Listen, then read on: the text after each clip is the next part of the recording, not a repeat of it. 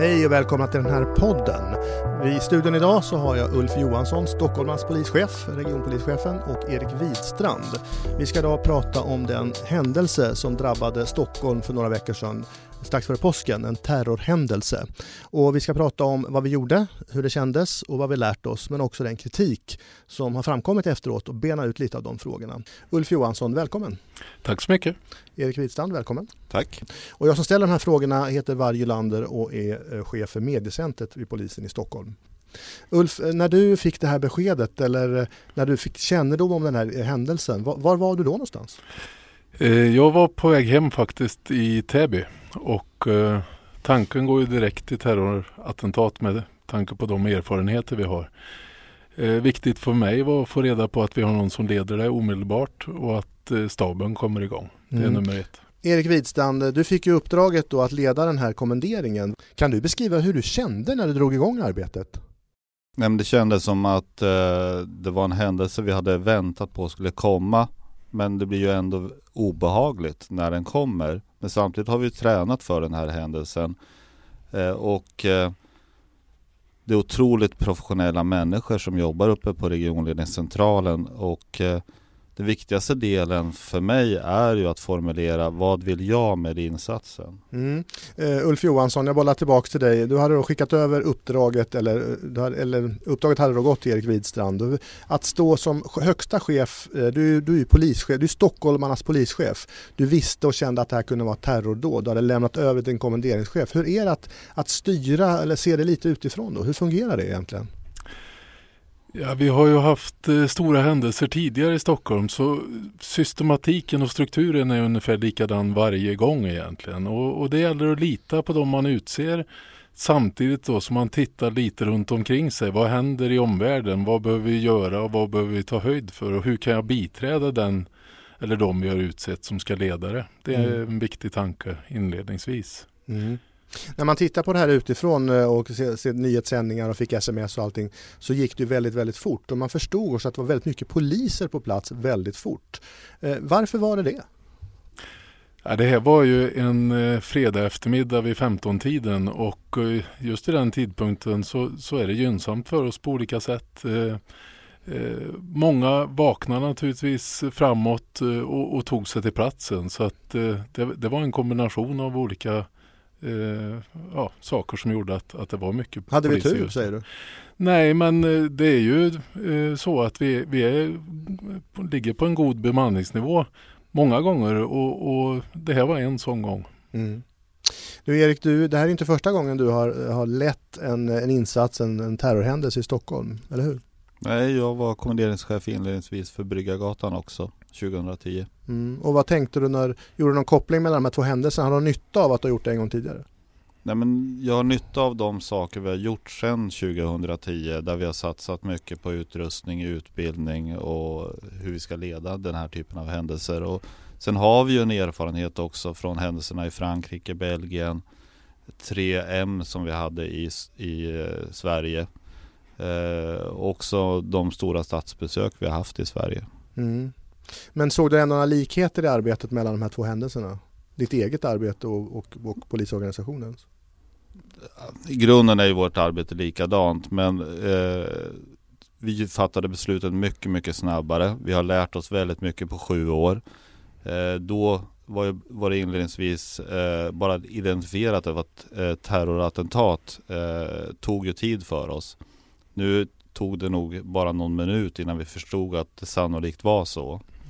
Eh, och när jag kom upp till RLC och fick den här första informationen så var ju också den andra händelsen på gång som vi uppfattade det då, det vill säga att man sköt inne på Åhléns, vilket inte var helt oförväntat, att det skulle kunna följas av både två och tre händelser. Nej, vi ska komma in lite mer på det där med händelseförloppet lite, lite senare i den här sändningen. Och, och för er som kommer in och lyssnar så RLC som vi pratar om här så alltså för regionledningscentralen i Stockholm. Och eh, om man, eh, om man kommer in och tittar där när en händelse går igång så är det oerhört fascinerande att se den koncentration som sker och att alla väldigt eh, snabbt förstår att det här är allvar och jobbar väldigt, väldigt professionellt. Uh, Ulf Johansson, du var ju också med förra gången det här hände. På vilket sätt var du det?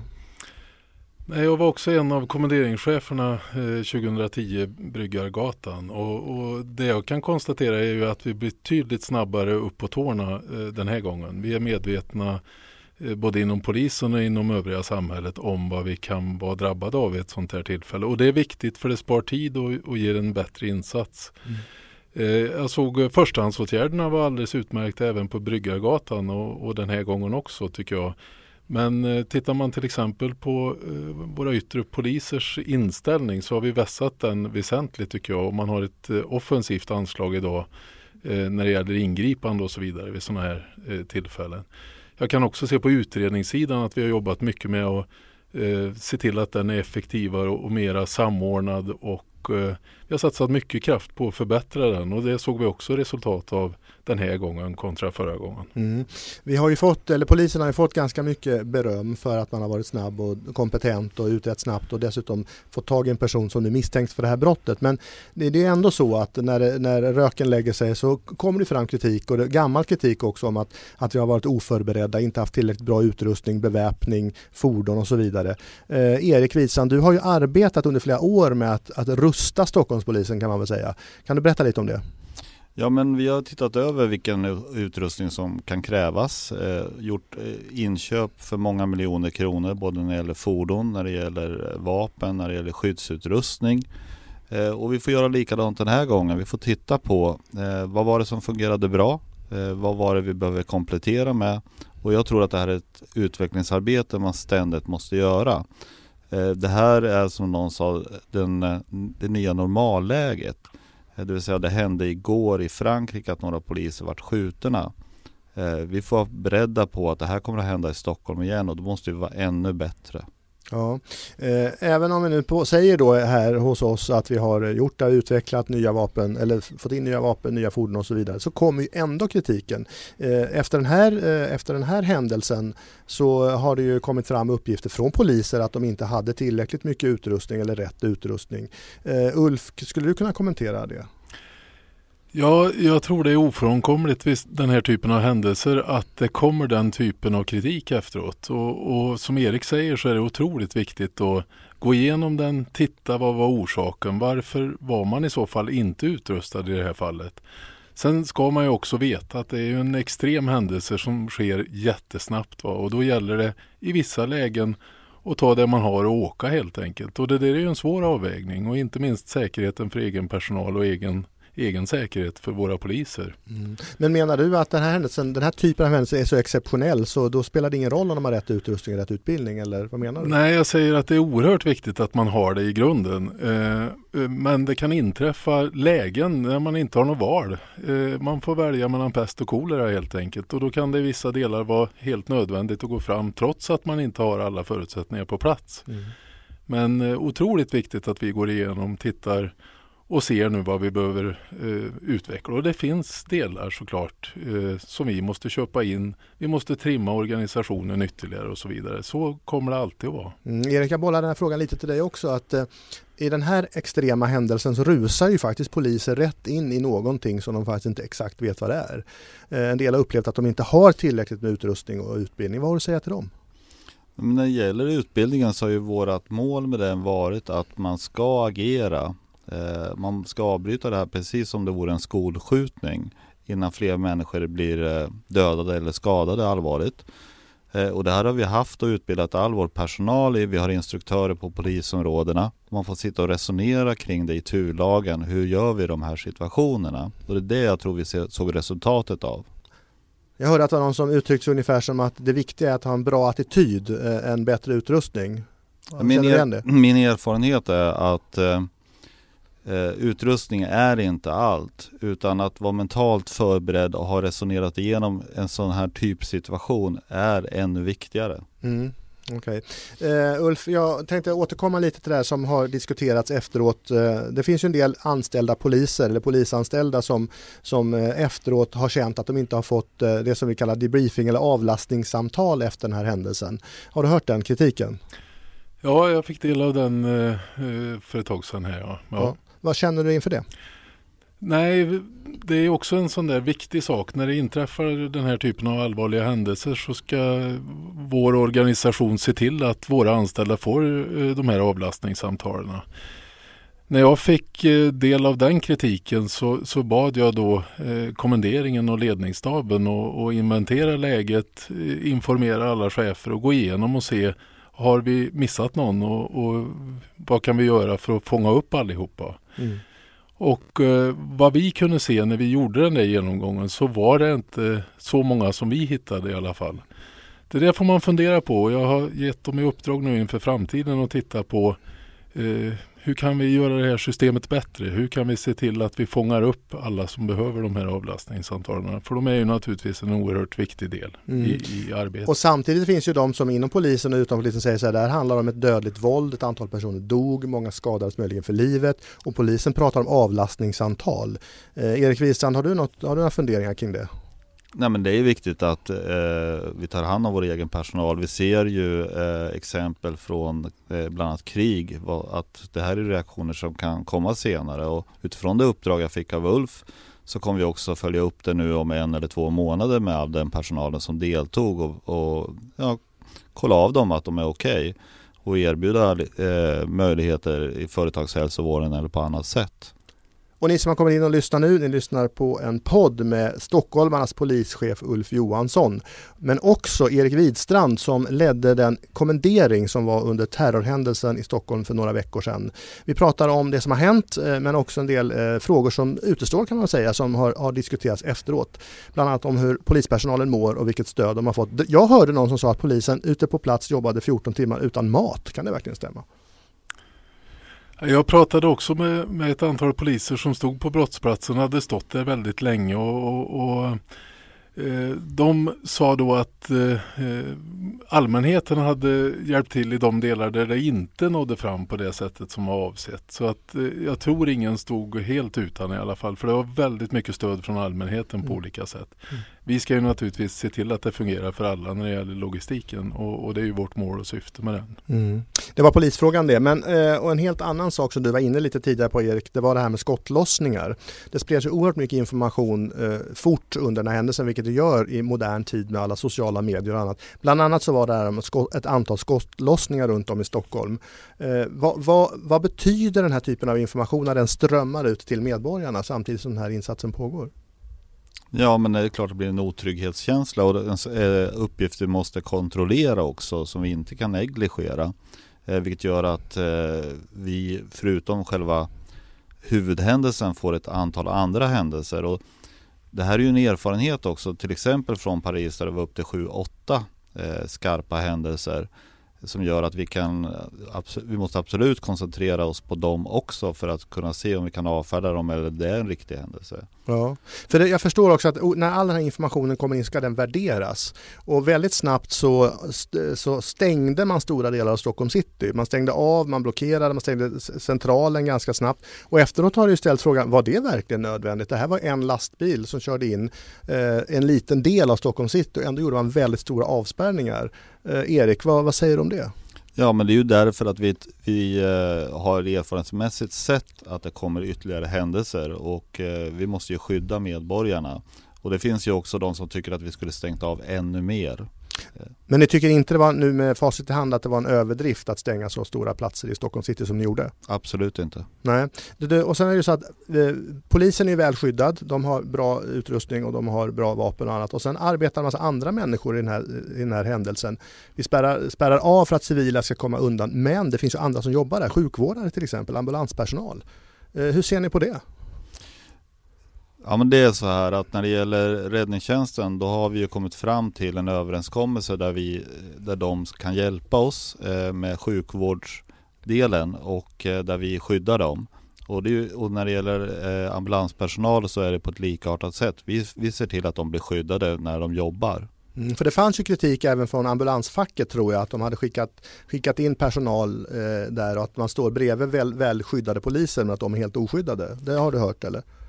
Ja, jag har sett en, en, så i någon tidning, men det är en sak som vi får resonera med både räddningstjänsten och ambulanssjukvården efteråt. Och vi har ju redan sån eh, resonemang igång med ambulanssjukvården mm. när det gäller vårt arbete i de särskilt prioriterade områdena. Mm.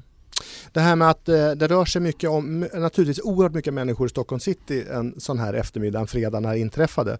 Då är det också viktigt att kunna kommunicera med dem så de vet vad de ska göra. Kan vi det tycker ni?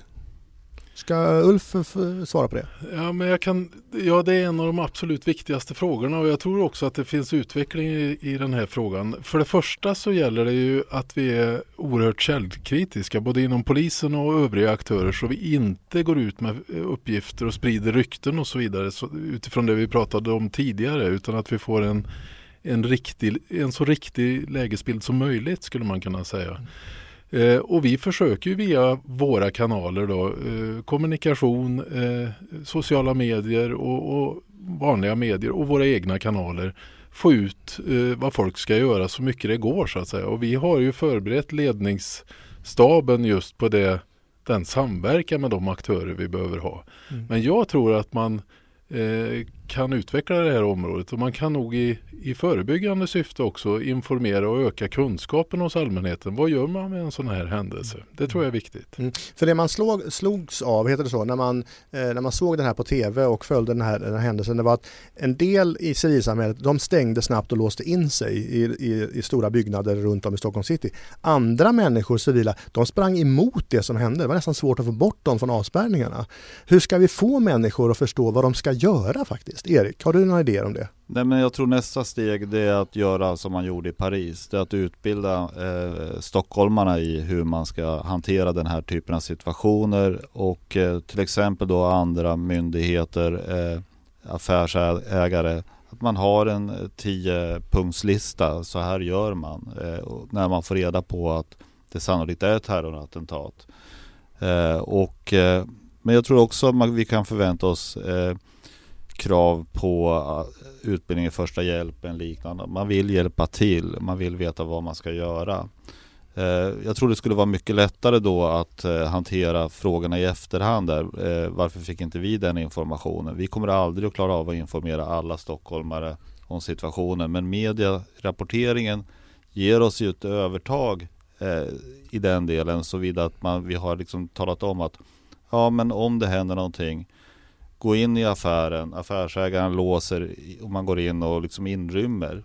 Mm. Vi hinner, kommer aldrig att hinna utrymma en hel stad. Men däremot kan vi inrymma rätt mycket människor. Inrymma det betyder att man går in och stänger in sig istället för att försvinna därifrån så att ja, säga. precis. Och det var ju det som hände på väldigt, väldigt många platser runt ja, om i Stockholm city. Och det vart eh, spontant. Eh, men jag tror det är rätt metod och det såg vi i Paris också att det var så man, som man gjorde. Och då får man ju bort människor från gatorna vilket är det viktigaste. Mm. Uh, Ulf, du som följde det här nära, vad, vad är dina, dina tankar kring stockholmarnas, om jag kallar alla som befann sig där just då, deras reaktion på, på händelsen? Har du några reflektioner kring det? Vad som hände faktiskt där? Ja, för det första i det akuta skedet så var det ju eh, en väldig massa vanliga människor om man säger så som gjorde väldigt bra insatser eh, kan man konstatera på, på brottsplatsen. Eh, viktiga insatser på olika sätt.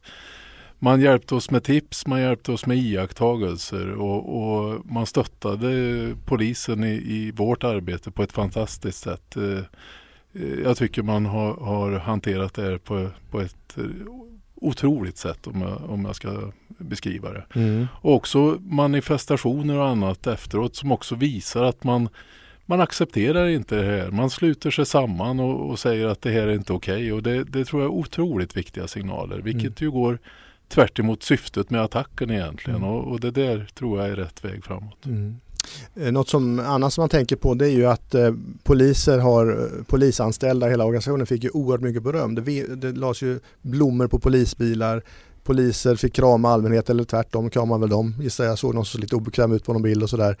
Eh, vad tror ni det beror på? Eh, det här behovet av att, att, att hylla eller ge kärlek kan vi kalla det till polisen. Var kommer det ifrån? Ja, först och främst tycker jag man ska konstatera att eh, polisen var en viktig aktör eh, vid den här händelsen. Det fanns otroligt mycket människor som gjorde bra insatser. Det var parkeringsvakter, det var väktare, det var ordningsvakter. SL-personal. Det finns en lång lista på människor som gjorde bra insatser. Eh, jag tror att, att eh, det fanns ett behov av att pusta ut efteråt och, och se vilka var det som hade Eh, gjort de här insatserna ute i de här miljöerna. Och då vill man gärna visa sin uppskattning mot dem. Det är ganska mänskligt tycker jag. Men nu såg det ut som det mesta faktiskt riktades mot polisen och kanske många kom i skuggan av det. Hur ser du på det? Ja, nej men visst. Polisen gjorde en stor insats och hade sin del i det här. Men som jag säger, det fanns otroligt många aktörer och, och ja, de har kommit i skuggan i det här mm. och, och, det kan jag tycka är lite synd. Mm. Eh, väldigt många bra insatser från väldigt många olika människor. Har du Erik gjort någon reflektion över det där kring att, att så många så spontant spontant faktiskt visade sitt, eh, sitt gillande och sin kärlek, om vi kallar det det, eftersom det var mycket blommor och kramar, eh, till polisen. Har du funderat något kring det? Nej, jag tror precis som Ulf är inne på att eh, polisen fick bli en symbol för att Sverige klarade av och Stockholm klarade av i den här situationen på ett sätt som ändå känns som godkänt trots att det är en väldigt tragisk situation. Och det fick sig uttrycket i att eh, vi var på plats, eh, var lätta att nå eh, och man ville visa sin uppskattning. Men jag tror också att den där uppskattningen går till så många, många andra. Mm. Det är också ett sätt, tror jag, för många att bearbeta den här typen av händelser. Eh, för jag vet att man åkte in från förorterna med sina barn just för att göra det här. Och eh, jag tror att det också är ett sätt att anpassa sig till en ny verklighet.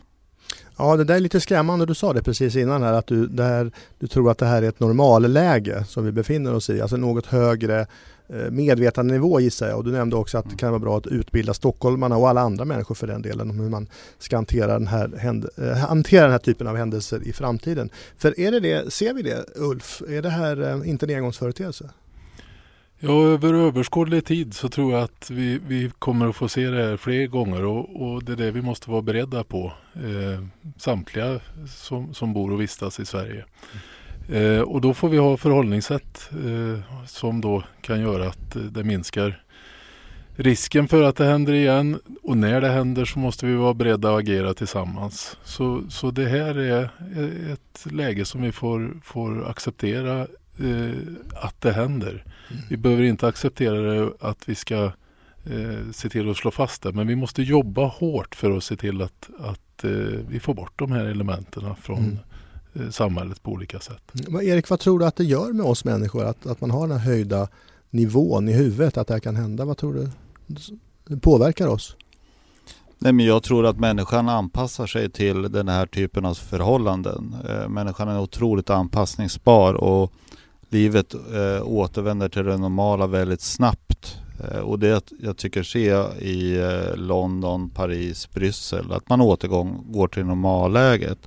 Sen eh, tror jag att det är viktigt att eh, vi fortsätter att få in uppgifter från det som man uppfattar som avvikande beteenden eller liknande. Precis som det, eh, när det handlar om annan brottslighet så behöver ju polisen tips och information om saker och ting så att vi kan förebygga en ytterligare händelse. Mm.